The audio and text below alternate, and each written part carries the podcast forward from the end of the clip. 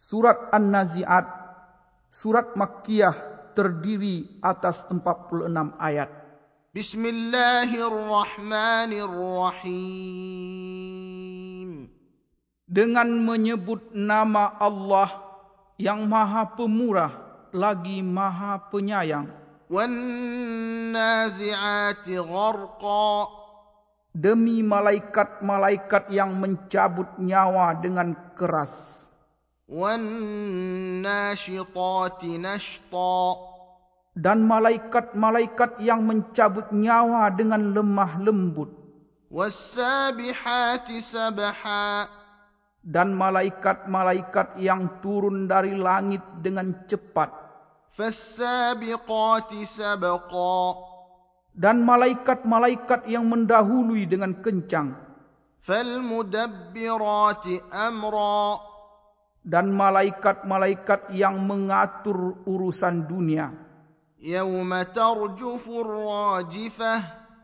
Sesungguhnya kamu akan dibangkitkan pada hari ketika tiupan pertama menggoncangkan alam.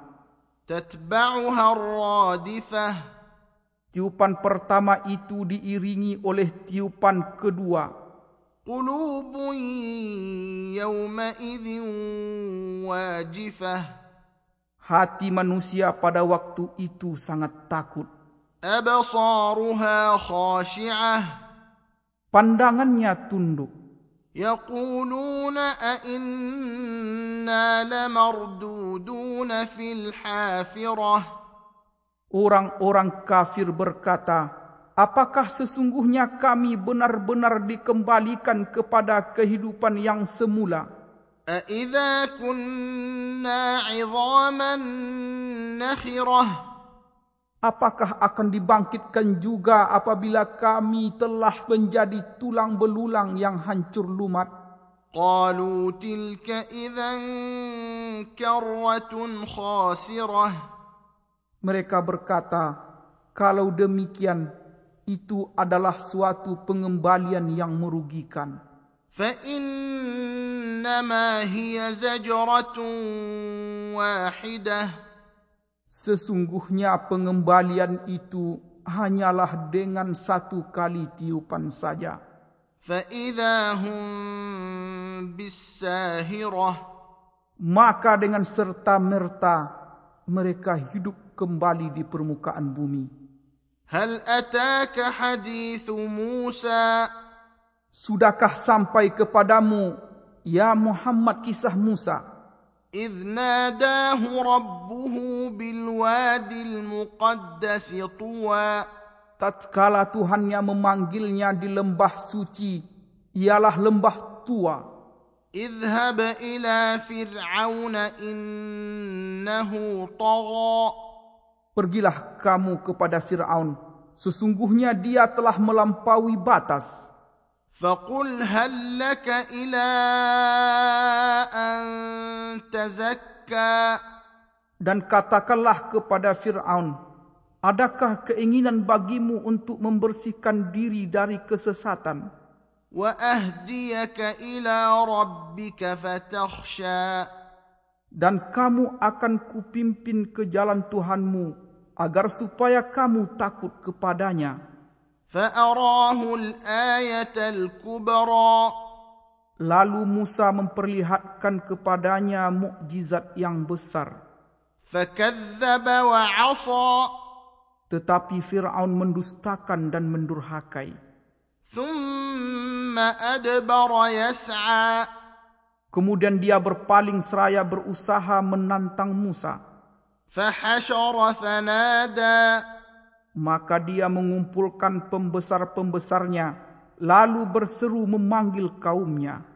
فقال أنا ربكم الأعلى Seraya berkata, Akulah Tuhanmu yang paling tinggi. فأخذه الله نكال الآخرة والأولى Maka Allah mengazabnya dengan azab di akhirat dan azab di dunia. إن في ذلك لعبرة لمن يخشى Sesungguhnya pada yang demikian itu terdapat pelajaran bagi orang yang takut kepada Tuhannya. أأنتم أشد خلقا أم السماء بناها Apakah kamu yang lebih sulit penciptaannya ataukah langit Allah telah membangunnya. Rafa'a samkaha fasawwaha. Dia meninggikan bangunannya lalu menyempurnakannya. Wa aghtasha laylaha wa akhraja duhaha. Dan dia menjadikan malamnya gelap gulita dan menjadikan siangnya terang benderang. والأرض بعد ذلك دحاها Dan bumi sesudah itu dihamparkannya. أخرج منها ماءها ومرعاها Ia memancarkan daripadanya mata airnya dan menumbuhkan tumbuh-tumbuhannya والجبال أرساها dan gunung-gunung dipancangkannya dengan teguh متاعا لكم ولأنعامكم semua itu untuk kesenanganmu dan untuk binatang-binatang ternakmu فإذا جاءت الطامة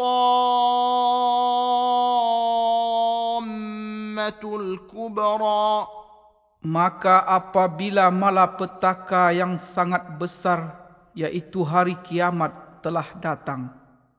يوم يتذكر الإنسان ما سعى Pada hari ketika manusia teringat akan apa yang telah dikerjakannya. وبرزت الجحيم لمن يرى Dan diperlihatkan neraka dengan jelas kepada setiap orang yang melihat. فأما من طغى Adapun orang yang melampaui batas وآثر الحياة الدنيا dan lebih mengutamakan kehidupan dunia, فإن الجحيم هي المأوى maka sesungguhnya nerakalah tempat tinggalnya. Wa amma man khafa maqama rabbih wa nahana nafsa 'anil hawa. Dan adapun orang-orang yang takut kepada kebesaran Tuhannya dan menahan diri dari keinginan hawa nafsunya.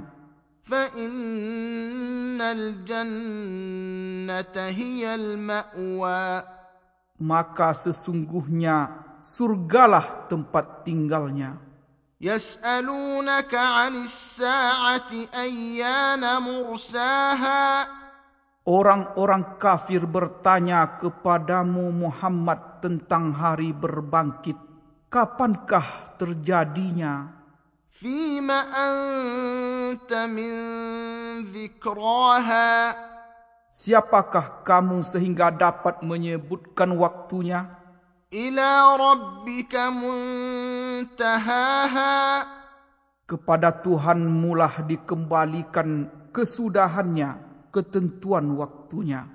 Innama anta munziru man yakhshaha Kamu hanyalah pemberi peringatan bagi siapa yang takut kepadanya, yaitu kepada hari berbangkit. كأنهم يوم يرونها لم يلبثوا إلا عشية أو ضحاها Pada hari mereka melihat hari berbangkit itu, mereka merasa seakan-akan tidak tinggal di dunia, melainkan sebentar saja di waktu sore atau pagi hari.